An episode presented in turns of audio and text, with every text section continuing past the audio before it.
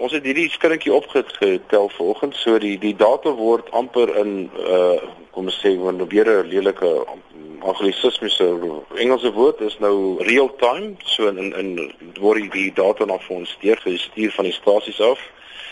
En natuurlik die mense het, het gerapporteer hulle het 'n skrik gevoel vanoggend het vinnig gaan gaan kyk en daar was hy.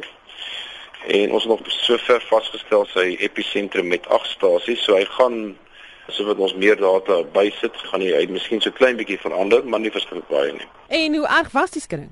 Hy het gemeet 3.7 op die Richter skaal wat nie verskriklik groot is nie. As 'n mens nou gaan dink 1969 September was daar 'n 6.3. Nou as jy mens van een grootte op die Richter skaal na die volgende grootte toe gaan omdat dit 'n logaritmiese skaal is, is daar 10 keer meer energie vrygestel.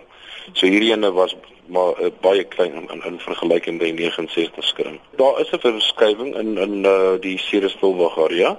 So dit is heel moontlik op die verskywing self. Maar hoeveel dorpe het hom gevoel? Kom ons kyk gevinnig. Ek het 'n bietjie inligting gekry van ons historiese seismoloog onder in Kaapstad.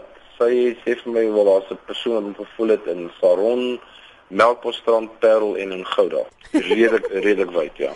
Wat jy mens wel kan sê is omdat dit 'n seismiese aktiewe sone is, kan 'n mens verwag daar gaan maar altyd skringe wees daarso.